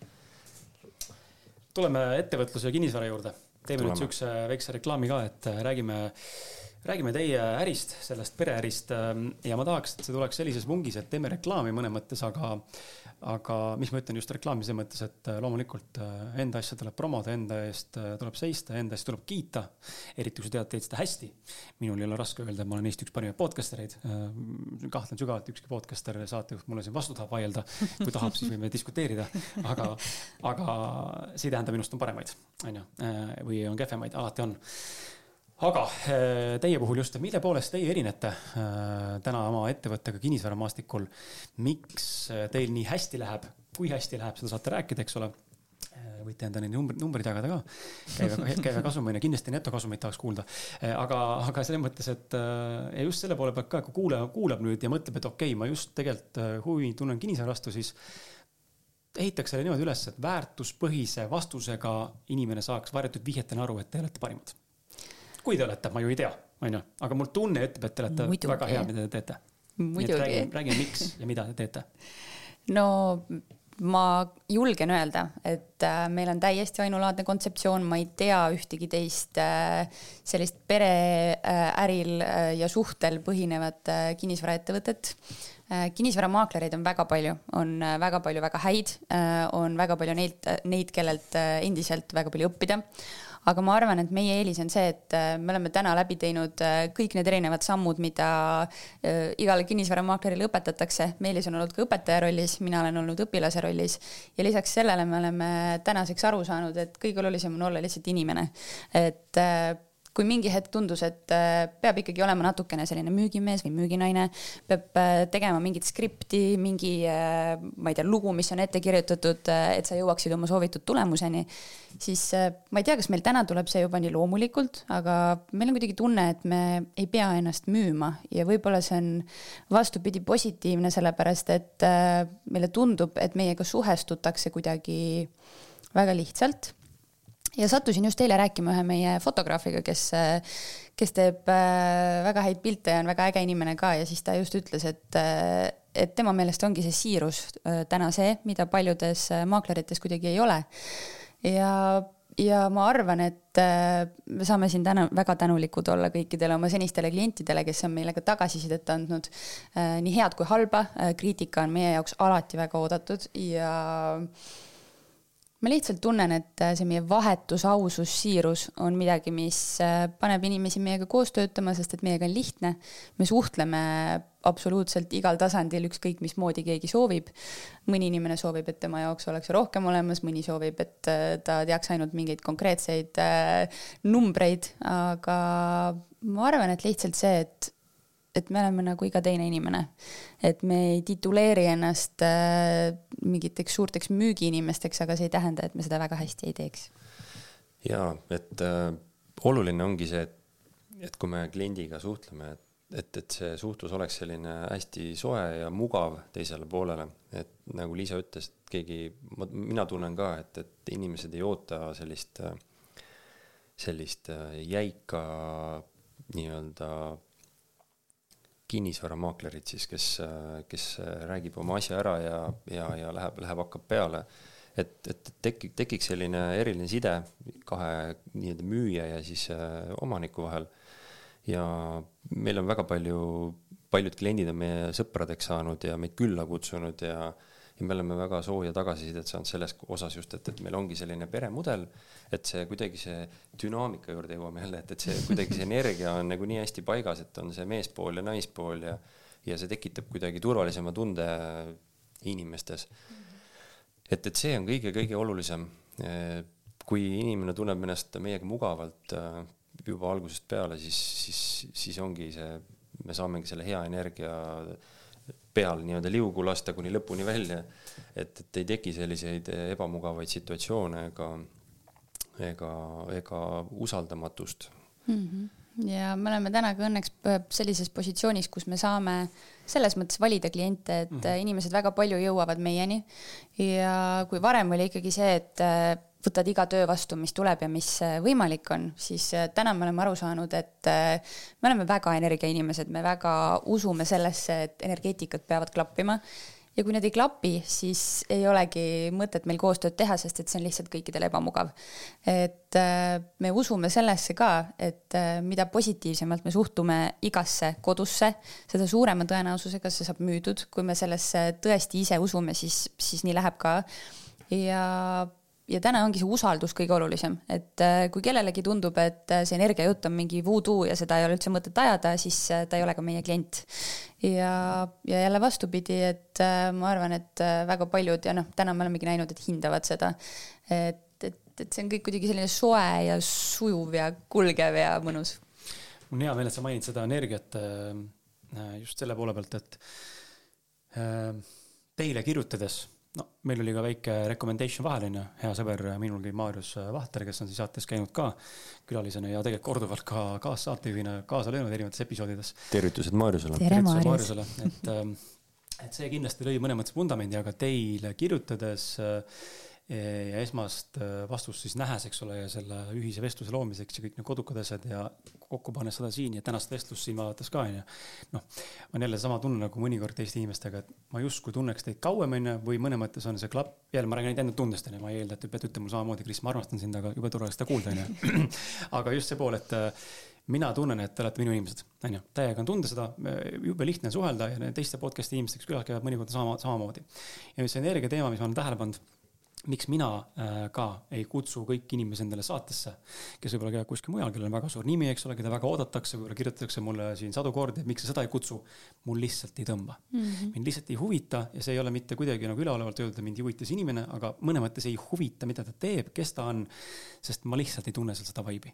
Ma ei klapi täna selle inimesega, aga võib-olla aasta nädala pärast. võib-olla nelja kuu pärast, nagu on, sul oli just, abikaasaga, naisega. on, on muutunud, onju, ja see on, ja see on jumala okei okay,, aga täna ma ei tunne, onju, ja ma ei mm. hakka ennast sellepärast nüüd sinna forsseerima ega kutsuma inimest enne saatesse, kellega ma tegelikult võib-olla vestelda ei taha või tunnen, et mm,. sul peab endal olema põnev, jah? ma pean tahtma, onju, see peab klappima, onju, muidu ma kutsun saatesse, teen seda kunstlikult ära selle, mm. selleks, et kuulajatele midagi pakkuda, aga ma teen seda siis juba ebaprofessionaalselt, ma yeah. ei naudi seda protsessi, onju. versus see, me istume täna siin, ma täielikult naudin, mul on väga tore, mõnus olla, onju ja ma tean, ma loon väga hea saatesid koos teiega, onju. et see on nagu see suur erinevus, ma arvan, mis inimesed peaks nagu aru saama ka, eriti kui asi puudutab raha, onju. me räägime ettevõtlusest, onju, või kinnisvarast Äh, või üldse müügist onju ja mulle väga meeldis see lause ka, et vaata, on olemas lause, et inimestele, inimesed meeldib osta, aga neile ei meeldi, kui neile müüakse mm. -hmm. nüüd, kui ma selle mõtte välja ütlen teile, siis millised on teie esimesed äh, märksõnad või, või taipamised või kogemused, mis te tahaksite siia kohe sisse visata, sest et Liisa ütles, et äh, te ei pea otseselt isegi müüma, mis ei tähenda, et te ei müü. Te teete igal juhul müüki, eks ole, ennast igal juhul peab müüma, turundust mõnes mõttes peab tegema. tore, kui te jõuate lõpuks sellisesse seisu, kus mõnes mõttes kaalukauss on kallutatud, kas siis sotsiaalmeedia tõttu või teie maine tõttu või, või suust suhu turunduse tõttu, eks ole. et teete hästi oma asju, aga see turundusmüük alati jääb sinna kõrvale mingil tasandil olemas. nüüd, kuidas siis ikkagi jõuda Äh, uute klientideni ja, ja kuidas äh, teha niimoodi, et ma ei müü, on ju, kui meid täna kuulab keegi inimene, kes mõtleb, et kurat, mul ei ole neid kliente kuskilt võtta, ma ei saa, minuga inimesed ei resoneeru. Äh, siis mis on teie soovitus, kuidas seda asja, kuidas vaadata selle asjale otsa, sellele müügile ja close imisele või üldse klientidele või kuidas klienti suhtuda? no see, sa küsisid, kuidas klienti leida mm. -hmm. see ongi see põhiküsimus ja seda, see on ju meie selline ärisaladus tegelikult mm. -hmm. et, et see, kui noh, see ongi see kinnisvaramaakleri põhiküsimus, kust ma leian kliendi. et äh, selleks on väga palju erinevaid viise, millest ma, mida ma avaldada ei taha teatavatel põhjustel, aga aga. kas üks äh, viis, ma nüüd äh, küsin vahele, kas üks viis võiks olla selline, et kui kinnisvaramaakler ja ma eeldan, et ilmselt niimoodi ongi et kui meil on äh, kv, kv.ee või City24 või mis iganes platvormid täna on, neid on rohkem, eks ole eraisik, mina seal panen siis põhjutuse ülesse, müün oma seda asja, eks ole, siis kas kinnisvaramaaklerid käivad ennast ka pakkumas appi, et kuule, ma aitan sul müüa, ma näen, et see põhjutus on kaks-kolm nädalat vana.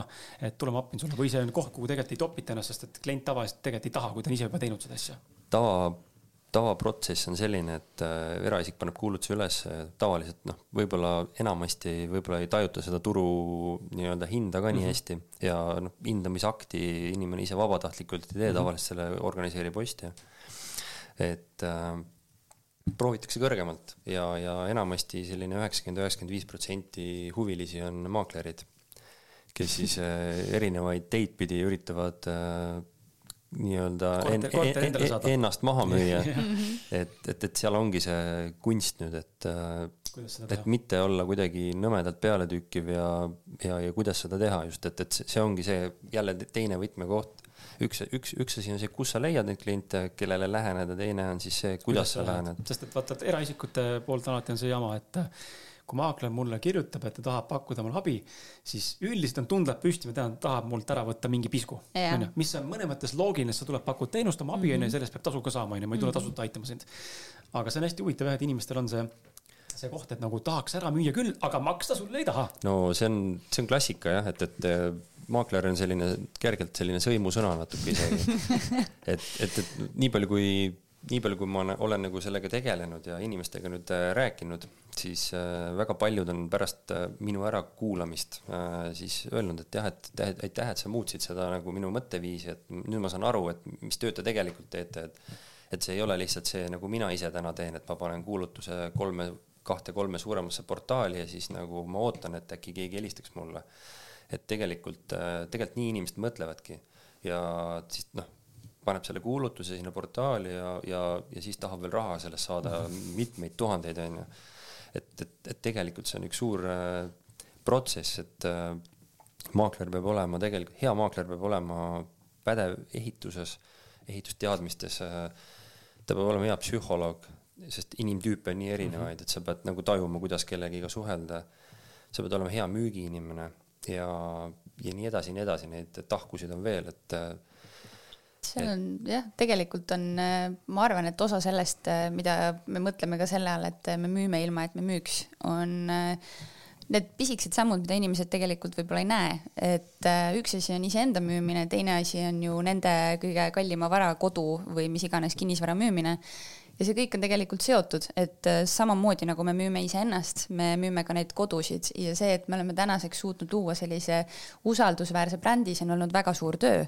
see on olnud, äh, me oleme ikkagi väga palju mõelnud läbi oma samme, milline meie see visuaal oleks, et, äh, et me kuvakski ennast välja selliste soojade ja ausate inimestena, et ei tekiks sellist tunnet, et need jälle üritavad mulle midagi pähe määrida. et me mõtleme kaasa kuulame ära nende nii-öelda mõtted ja soovid ja, ja absoluutselt äh, tegeleme ka sellega, et aidata neil ka ühest kodust teise kolida, leida see järgmine kodu mm. -hmm et, et äh, kui noh, kui, kui inimesed nagu tunnetavad ära, et me nagu oleme, oleme seal nende juures, oleme kohal, et siis, siis, siis tekibki see väga hea side nendega ja, ja usaldus ja sealt pinnalt on väga hea nagu koostööd alustada. sellele ma üldse ei olegi mõelnud onju, see, mis sa ütlesid, üks lause, ma kohe ütlen välja selle, et olge valmis, kuulajad. et te aitate müüa inimesele ära kodu ja aitate leida neile uue kodu, onju. ehk siis see on nagu topelttehing mõnes mõttes mm. -hmm. või selline topeltprotsess nii-öelda, et see ühtepidi ta ju vabaneb enda ühest ressursist, teistpidi ta sinu abiga saab uue ressursi, onju, et ma ei olegi varem sellele mõelnud, mis tegelikult on üliloogiline, aga mulle tundub, et alati ei lähe samad maaklerid edasi samade inimestega ka selles protsessis mm. -hmm. ei lähe jah, et, et äh, igal juhul, et me, me pakume alati selle lahenduse välja selles mõttes, et uue kodu otsimine selles mõttes ei maksa kliendile mitte midagi, et, et äh, me, me hea, hea meelega, see on üks, üks protsessi osa, et me, me ei tegele ainult selle müügiga, vaid meie pakume eesmärk, sellist täisteenust. täisteenust mm -hmm. jah, et, et meie eesmärk on, et inimene saaks edukalt, mitte, mitte me ei lükka teda tänavale peale tehingut, vaid äh, alati leiame lahenduse, kas siis mõnikord tõesti on vaja vahepeal mingi vahepeatus teha kuskil mõne sugulase või juures või üürikorteris aga enamasti me üritame ikkagi selle protsessi nii sujuvaks teha, et, et uus kodu on juba nii-öelda olemas õigel ajal ja, ja, ja see üleminek on sujuv, sest meil kõigil on tohutult palju asju ju kogunenud alati ja, ja lapsed ja, ja see on ebamugav see kogu see kolimise protsess. ja tegelikult see ka, et, et alguses võib-olla Meelis mõtles, et ma olen, ma olen sihuke hästi suur andja ja Meelis alguses mõtles võib-olla ka, et kui ma nagu alustasime oma seda ühise äriprotsessi, et kuule, et sa panustad natuke liiga palju oma aega sinna, et sa nagu meie, see on ikkagi meie raha ja meie väärtuslik aeg ja ja siis mina mõtlesin terve aja niipidi, et aga, et äh, mida rohkem ma nii-öelda justkui tasuta ära annan, seda rohkem tuleb ju tagasi. et äh, olgu see siis soovituse näol, olgu see siis selle näol, et äh, me saame lihtsalt mõne väga toreda kliendi. Neid variante on nii palju, aga me tegelikult tänaseks mõlemad usume hästi tugevalt sellesse, et kui me olemegi terve aja inimese jaoks olemas. see ei tähenda, et me kasseerime iga asja eest raha, et meil on tunnihind või mida iganes, et tihtipeale meilt küsitakse, et kuule, et äh, kui sa otsid mulle nüüd, äh, aitad kodu otsida, ma olen ise näiteks äh, Dubais või kuskil mujal eemal. kui sa teed kogu selle protsessi läbi, siis palju see maksab? See ei maksa sulle selles mõttes mitte midagi, et äh, meil on täna väga palju häid koostööpartnereid, kes aitavad meid, kes äh, jagavad äh, oma vahendustasusid, seda teeme ka meie, et ikkagi see suhtlusbaas on hästi oluline ja, ja kui juhtubki vahel niimoodi, et satub mõni otseomanikult kodu ja meie sealt otseselt mingit vahendust ei saa, siis me oleme väga tänulikud ühe hea ja sooja soovituse eest, sest see on jällegi meile kulla hinnaga. et kui iga asja, iga sammu taha ei saa konkreetset rahanumbrit panna, siis kokkuvõttes ringiga see tuleb ikka mm -hmm. kõik meieni tagasi. ehk siis kokkuvõttes tegelikult me räägime ikkagi sellest, et äh, luua võimalikult palju väärtust, mm -hmm, teha, teha inimesele midagi, mida ta hindab, on ju, mhm. millest ta lugu peab, mis on tema jaoks oluline äh,. mitte olla liiga omakasupüüdlik võib-olla mm -hmm. ja, ja, ja sa mainisid ka seda, et äh, te ei pea tihti ennast müüma, eks ole, ja kui isegi teete seda, siis see inimene nagu, see ei ole nagu müük, on ju, et ma arvan, et ka see on üks pool, see on enda kogemus äh, viimase, ütleme ütleme aastaga, viimase kolme kuuga intensiivistunud, kus ma olen hakanud ennast siis väärtustama, on ju. lõpuks mm -hmm. ometi on see nihe käinud, on ju, et okei okay,, on aeg hakata ennast väärtustama. ja nii, kui ma selle otsuse ära tegin, on ju, siis on seal see rahaline pool ka shift on hoopis mm -hmm. nagu lihtsam mm. -hmm. ja vastupidiselt ka, kui kliendile kirjutad, eks ole, siis äh, noh, mõnes mõttes tuleb see vastus üllatavalt lihtsalt. nüüd on üks küsimus, kas ma müün liiga odavalt või seal on see aspekt juures, et äh, inimene saab tegelikult aru, et kui seal on hind mingisugune ja mm -hmm. inimene julgeb seda välja kommunikeerida ka väga julgelt ja enesekindlalt mm. -hmm. järelikult ta teab, mida ta teeb, onju. loomulikult sellega kaasneb ka see maine ja tulemused, mis ta on eelnevalt saavutanud, aga mulle tundub, et nii kui me julgeme ennast väärtustada ja, ja küsida ja öelda välja, et nii on, äh, siis seda tuntakse ja, ja see mõnes mõttes loob sellist nagu kindlust äkki juurde mm -hmm. või mhm. turvatunnet, et päriselt asja tehakse nagu okei okay, yeah., this shit is serious, vaata nii ongi ja vaata, oled tähele pannud, et inimesed, kes, äh, see ei pea olema keegi kuskilt tutvusringkonnast, aga üleüldse maailmas või filmides või sarjades, inimesed, kes suhtuvad rahasse hästi negatiivselt, äh, neil tihtipeale on ka seda vähem mm. -hmm. ja inimesed, kes suhtuvad selle, võib-olla sellise suhtumisega, et, äh, et küllus on meie ümber ja kõik on hästi, ükskõik kui äh, kaugele spirituaalsusesse siis läheb või kui äh, väikesed sellised positiivsed afirmatsioonid need on, siis neil on ka rohkem tihtipeale, et äh, ma usun ka sellesse, et mida rohkem ise olla avatud, selline kuldne lause, et raha peab olema ringluses, et annad ära, saad ka tagasi, annad ära, saad ka tagasi ja, ja, ja kui ise kogu aeg, meil on ka olnud, me oleme ettevõtjad, meil on ka olnud hetki, kus on äh, päris raske mm. -hmm. on olnud hetki, kus äh, võib-olla turg on madalam, meil on täna selline mitte kõige targem olukord ka, kus munad kõik on ühes korvis, et äh, me tõesti pühendamegi ennast ainult sellele kinnisvarale siis äh, nendel hetkedel äh, me oleme ikkagi mõlemad üksteist üritanud väga tugevalt toetada, et ärme lasku sinna, kus me tunneme, et nüüd on täitsa pekkis mm. -hmm. et äh, nüüd enam ei tule sisse, nüüd äh, tekivad võlad, me peame varsti perelt äh, raha laenama hakkama, vaid usume sellesse, et nüüd tuleb, nüüd kohe tuleb ja alati tuleb ja see on see koht, mis mind ennast huvitab ka ja ma usun, et paljud inimesed huvitab, kes siis on noh, ettevõtjana ise on äh, aktiivsed, eks ole, veel väikeettevõtjana äh, ja võib-olla ka palgatöölisena mõnes mõttes on see aktuaalne. minul endal samamoodi väga pikaajaline kogemus, et kuidas usaldada seda teadmatust ja mõnes mõttes seda ebastabiilsust, seda ikkagi tekib ette, et mõnikord on ju, et noh, üks kuu ongi parem, teine kuu on kehvem, mõnikord on mitu kuud väga noh, sihuke tunne, et mul on pidevalt kõri kinni, onju, et mida ma nagu teen, sest mentaalselt hakkab see sööma, onju, see raha, noh, paratamatult ta on oluline siin maailmas, me peame sellega mõttes kaasa mängima. ma ei saa minna Eesti talve siin hüti all elama äh, ega telki minna, onju, et nagu kuskilt ikkagi jookseb see piir, et ma pean ju kuidagi hakkama mingi X kogus endale tooma, eriti kui mul on pere ülalpeetavad ja lapsed, kes iganes veel onju, või naine onju, või mees, keda ma pean toetama. et noh, mis iganes see stsenaarium on, aga et just see pool, et kuidas usaldada seda, et okei okay,, praegu on raske, aga see ei tähenda, et niimoodi jätkuvalt kogu aeg on. no olles äh, tehes seda tööd juba päris pikka aega, siis äh, lihtsalt tekib mingisugune selline enda usaldus ja, ja selle turu vastu samamoodi, et, et mina olen näinud nii madalaid aegu kui äh, neid aegu, kus äh, kõik asjad müüvad iseenesest. et ega seal muud ei olegi, tuleb jalad kõhu alt välja võtta ja, ja Just. keerulistematel aegad, aegadel rohkem, rohkem tööd teha. sest et tegelikult see nii lihtne ongi, et meie potentsiaal on lõputu ja ja kui on, kui on nagu lihtsamad ajad turul, siis, siis on ju mõnus liugu lasta mm -hmm. vahepeal selle, selle vana rasva pealt ja, ja, ja inimene on laisk loomuselt. et, et, et noh, nii lihtne see ongi. see lükkabki ju nagu tööle, et äh, kui sul on juba alateadlik või, või siis juba väga teadlik äh, selline pinge, siis äh, see panebki leidma uusi viise. okei okay,, mida ma valesti teen, mida saaks kuskilt muuta, mida saaks teisiti teha ja samamoodi ongi nende kodudega ka, mida me müüme ja kui vahel ongi, no lihtsalt midagi ei lähe, siis äh, peadki hakkama teise nurga alt vaatama, et okei okay,, huvitav et äh, mida ma saaksin nüüd praegu teha selleks, et, äh, et seda kas paremini turundada, kas ongi vale hetk, kas on äh, vale hind, kas on meie tegevuses midagi valesti, kas ma saaks seal teha näiteks uued, ma ei tea, fotod, uue kuvandi, kas tol päeval oli valgus vale, energia vale, me ikkagi siinkohal usume ka väga palju sellesse energiasse. kas meis endas on midagi kinni, mis ei lase seda protsessi vabaks, kas see omanik on tegelikult seal kinni ja ei ole valmis edasi liikuma, et neid aspekte on nii palju, aga aga kui sa juba tunned seda kerget kipitust, siis see hakkabki nagu jõudu juurde andma, et neid erinevaid aspekte läbi mõelda ja, ja lahendus leida.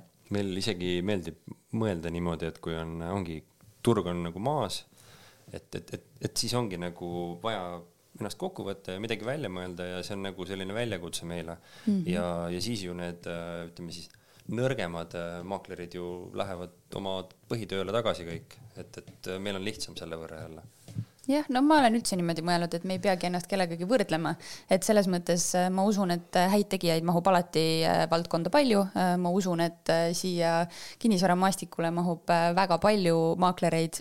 me ei pea kõik omavahel konkureerima, see on mingi selline pisike klikk, mille ma ka oma peas olen ära teinud, et nad ei ole konkurendid, nad on koostööpartnerid ja mul on väga hea meel, et. meie ajame oma asja. just, et, et meil ei ole sellepärast puudust, et teised olemas on, vaid meil oleks puudus siis, kui me ise teeksime midagi valesti aga, aga jah, ma arvan, et äh, ongi see, et äh, igas ükskõik kui lihtne mingi protsess on olnud, igalt poolt on midagi õppida.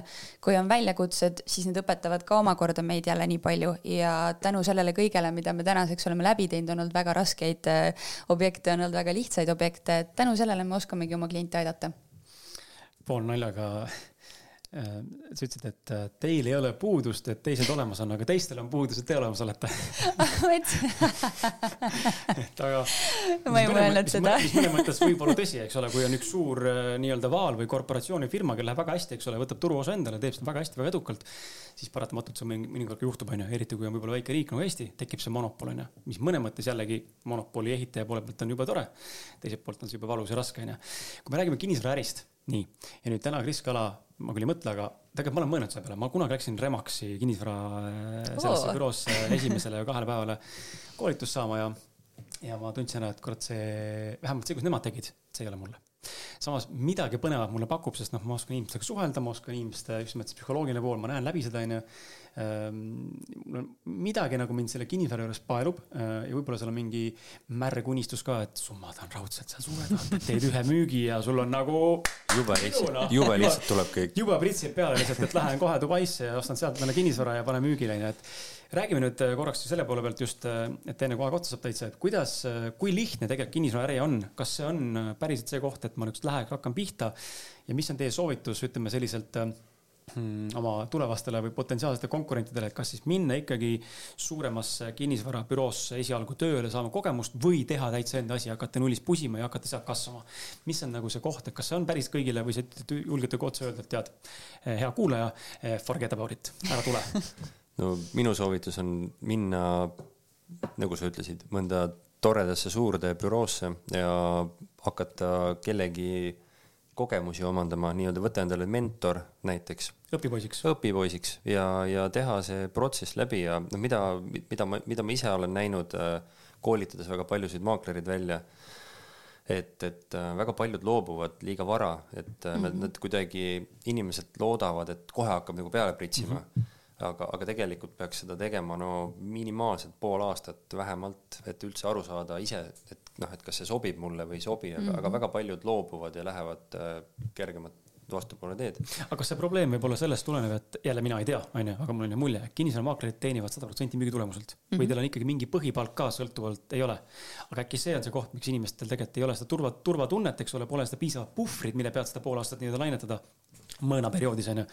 et kas siis äh, soovitus oleks see, et ikkagi teha seda nagu sina tegid, hakata kuskilt äh, poole kohaga nokitsema vaikselt, mitte, mitte full ei, on sisse minna? ei, tegelikult noh, see poole kohaga nokitsemine, noh, ütleme nii, mul õnnestus seda kuidagi teha mm, -hmm. et äh, tahtejõud oli võib-olla nii suur sellel hetkel, et aga tegelikult tuleb just minna täiega sada protsenti sinna sisse ja panustada sinna endasse, investeerida ja tegelikult see tuleb sul poole kiiremini siis, sest et nagu iga asjaga, et kui sa, kui sa teed poolkõvalt midagi, siis, siis tulemus on ka poolkõva.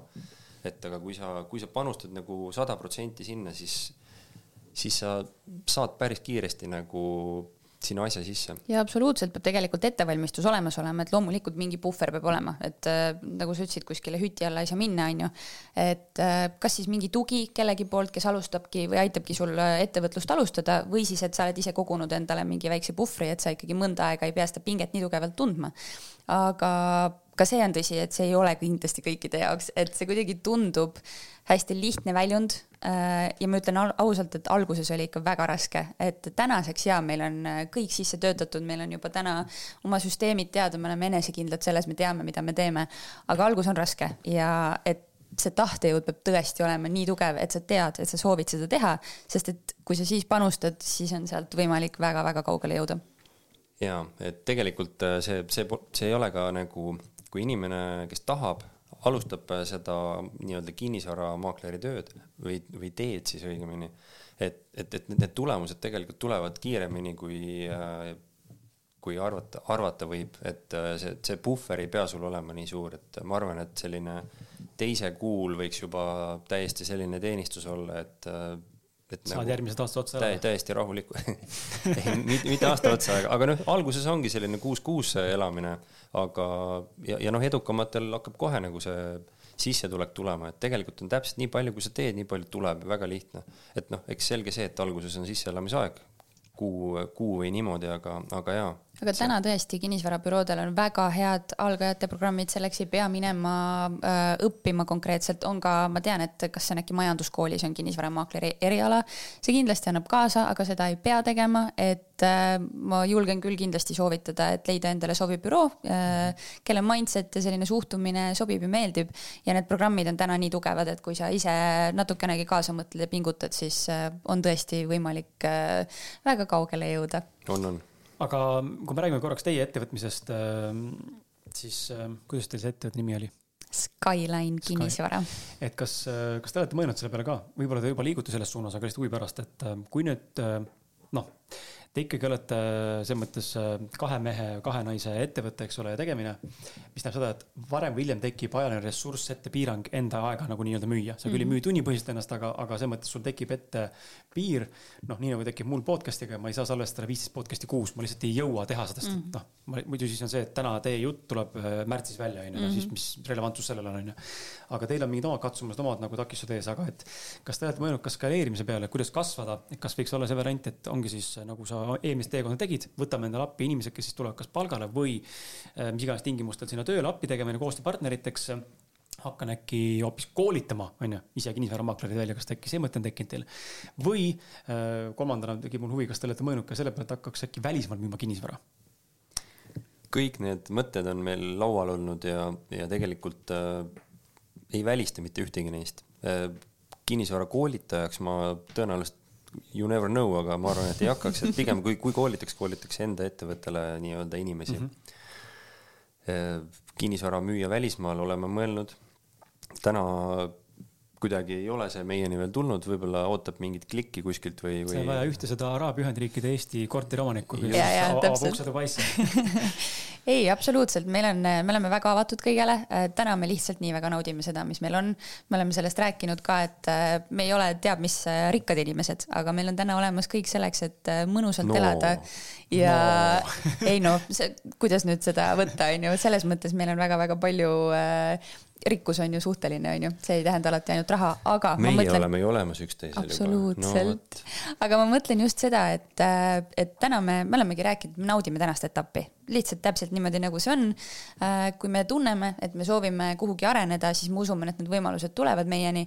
meil on käinud mingeid siukseid inspiratsiooniklikke, kui me oleme kuskil Sansibaril palmi all istunud ja mõelnud, et kuule, jumala äge oleks, kui siin ka midagi nokitseks aga ma usun ka, et äh, need samamoodi, need võimalused tulevad meieni äh, me ei välista seda, et me võtame endale ühel päeval äh, kellegi juurde, kellega meil on väga hea klapp, kes aitab meil siin Eestis asju ajada, samal ajal kui me ise näiteks tahame reisida. täna suur aitäh minu emale, kes aitab, kes on ka kinnisvaramaakler, kes aitab meid mingitel hetkedel, kui meil on abi vaja kui me oleme ise ära olnud, et meie kliendid ei jää kunagi hätta ja meil on äh, ka väga häid tuttavaid, kes äh, on olnud kinnisvaras ja kes oskavad meid väga, meid väga hästi aidata. aga ma arvan, et see tuleb ise, kõigeks peab olema avatud ja valmis, aga täna on väga hästi, nii nagu on. ja täna on hästi, aga nagu sa ütlesid, et piir on ees mingi hetk, et noh, sina lükkad siin meie, meie saate kuskile kaugele tulevikku, on ju, meie ei saa kodumüüki, ma ei, ma ei saa öelda kliendile, et kuule, et äh, teeme, lepime täna kokku, aga on sul okei okay,, kui ma hakkan märtsis müüma seda? et, et, et selles mõttes jaa, et, et, et ma arvan, et see kuidagi nõudlusele vastavalt kujuneb paika meil ise, et täna, täna kuidagi on, on, on see tempo ja, ja, ja siis meie müüdavate kodude arv äh, võib-olla meile sobilik ja meil on väike puhver ka seal kindlasti veel aga jaa, oleme avatud kõige tähtsam küsimus, äh, tegelikult kaks tähtsat küsimust on, üks on äh, see, et kas kinnisvara on jätkusuutlikult investeering või mitte, et kas ta on siis ajas kasvav? jah ja. ja.. see on nii kindel väide, et on. kindlalt. et kui on võimalik inimestel kinnisvara soetada endale, siis tuleks seda teha, sest ajas selle väärtus kasvab nagunii. Absoluutselt, täna on, äh, kõik räägivad äh, Euriborist ja see, me teame väga hästi seda, et äh, kui sa soetad täna turuhinnaga kodu äh, pangalaenuga, siis sa suure tõenäosusega mingit suurt üüritulu sealt ei teeni või siis maksad mõned kuud või kes teab, aastad üldse peale. aga igal juhul kinnisvara, kes usuvad sellesse millessegi füüsilisse, on alati hea investeering, oma kodu on alati hea investeering. ükskõik, mis kujul see on, ükskõik, kas sa müüd tipus, müüd kuskil madalas kohas, sa kokkuvõttes ikkagi teed väga hea otsuse ja väga hea investeeringu, ma alati soovitan inimestel soetada ja ma usun, et see on selline valdkond, mis äh, ei saa kunagi otsa, ei mineta ennast kunagi, et äh, eestlased on ikkagi nii, tugevalt koduusku ja meil on õnneks ka siin seda välisturgu sees, kes, äh, kellel lihtsalt on raha ja kes mhm. paigutavad seda meie turule. nii et sada protsenti kindlalt. ja miks, äkki oskate seda kommenteerida ka lühidalt, enne kui siin ära lõpetame, et äh, miks on niimoodi äh, Eestis, ma ei tea, kas välismaal niimoodi on, aga Eestis mind on see mõtlema pannud ja ma usun, et selle peale on kõik teie kliendid või potentsiaalsed kliendid kunagi mõelnud äh,. miks on niimoodi, et kinnisvaramaakleri äh, nii-öelda siis teenuse maksab kinni ostja, mitte müüja, kes tegelikult maakleri appi võtab ja kas see dünaamika võiks Eestis millalgi muutuda? See on niisugune so-so äh,, alati enam ei ole niimoodi, et äh, teenuse maksab kinni ostja -hmm. et äh, loomulikult, kui on turg sellises seisus, et äh, kannatab peale panna nii palju kui võimalik, siis äh,, siis nii on, sest et äh, igaüks tahab oma kodu eest ju saada võimalikult palju kätte ja võimalikult vähe nii-öelda justkui oma taskust ära müüa. kinnisvarateenuse maksab kinni müüja, mitte ostja. selles mõttes küll, aga noh, sa tead ju, kui palju tehakse niimoodi, et äh, okei okay,, sina tahad kätte saada a la sada tuhat, äh, paneme sinna viis otsa ja müüme saja viiega et äh, üüriturul küll on äh, mingil põhjusel Eestis niimoodi kujunenud, et äh, see, kes endale üürikodu otsib, see maksab. tundub ja... mulle väga nagu vastupidi olevat, nagu mis värk sellega huvitav on, aga, aga kas see võiks muutuda või see pigem on ikkagi kollektiivne tendents, et see ei ole muutumas, sest et see on nii sisse juurdunud lihtsalt see turg juba? on väga tugevalt sisse juurdunud äh, osad omanikud on juba rohkem avatud, meil on tulnud pakkumisi, kus inimesed ütlevadki, et kui te ei taha lepingutasu maksta, maksan mina selle. et natukene õrnalt on muutumas, aga ma arvan, et siin kümne aasta jooksul ei muutu küll veel väga miskit, et meil on, meil on mõned ettevõtted turul, kes pakuvadki sellist teenust ja täna on juba neid ka neid tagatisraha vabastuse võimalusi, et kokkuvõttes jääb inimesel ikkagi maksta kahe kuu üür seal alguses suure tõenäosusega. emba või kumba pidi see siis on, aga ma arvan, et see ikka niipea ei mm. muutu. sõbrad, austades teie aega ja enda aega ja ma jäin hiljaks ka veel, ähm, muidu oleks saanud pool tundi veel vestelda, siis me peame lõpetama. Ähm, on teil viimased mingid mõtted, sõnad, mis te tahate veel öelda siia meie kuulajatele, ähm, mulle või, või emale-isale, äh, et või lastele, et mis jäi ütlemata, mida tahate rõhutada või, või olete happy'd? Meie oleme happy'd ja me, me oleme väga, meil on väga hea meel, kui äh, te soovite osta või müüa kinnisvara, siis võtke meiega julgelt ühendust. me yeah. oleme alati teie jaoks olemas. meie infot äh, leiab, äh, ma ei tea, kas sa paned meie lingid sa sinna alla ka. ja, et meie infot leiab skylinekinnisvara.ee, kõige aktiivsemalt me tegutseme Instagramis, Skyline kinnisvara sealt on võib-olla kõige parem aru saada, mis, mis inimestega tegu on ja näha jutu juurde nägusid ka. ja neid riilse, kus te siis äh, müüdavates korterites, majades äh, ringi jooksete ja pidu, pidu panete absoluutselt. me veel ringi ei ole jooksnud, aga äkki peaks tegema seda, kes teab, tundub, et need toimivad. ja sulle meeletult suur aitäh, et sa meile sellise kogemuse lubasid, sest et äh, see oli väga põnev äh,. ikka jäävad need mõtted, et no oleks võinud midagi seal teisiti võib-olla öelda ja nii edasi, aga esimene kogemus, ma arvan, et me oleme mõlemad väga rahul. aitäh, et sa meid kutsusid aitäh. ja aitäh kõigile, kes kuulavad ka. ja tooge ikka neid kuulajaid juurde ka Kris Kala podcast'i saite suurepäraselt hakkama. ja see on paratamatu osa, et ikkagi mõtled, et oleks saanud midagi öelda seal ja too ja edasi heietada minna, see ei aita enam.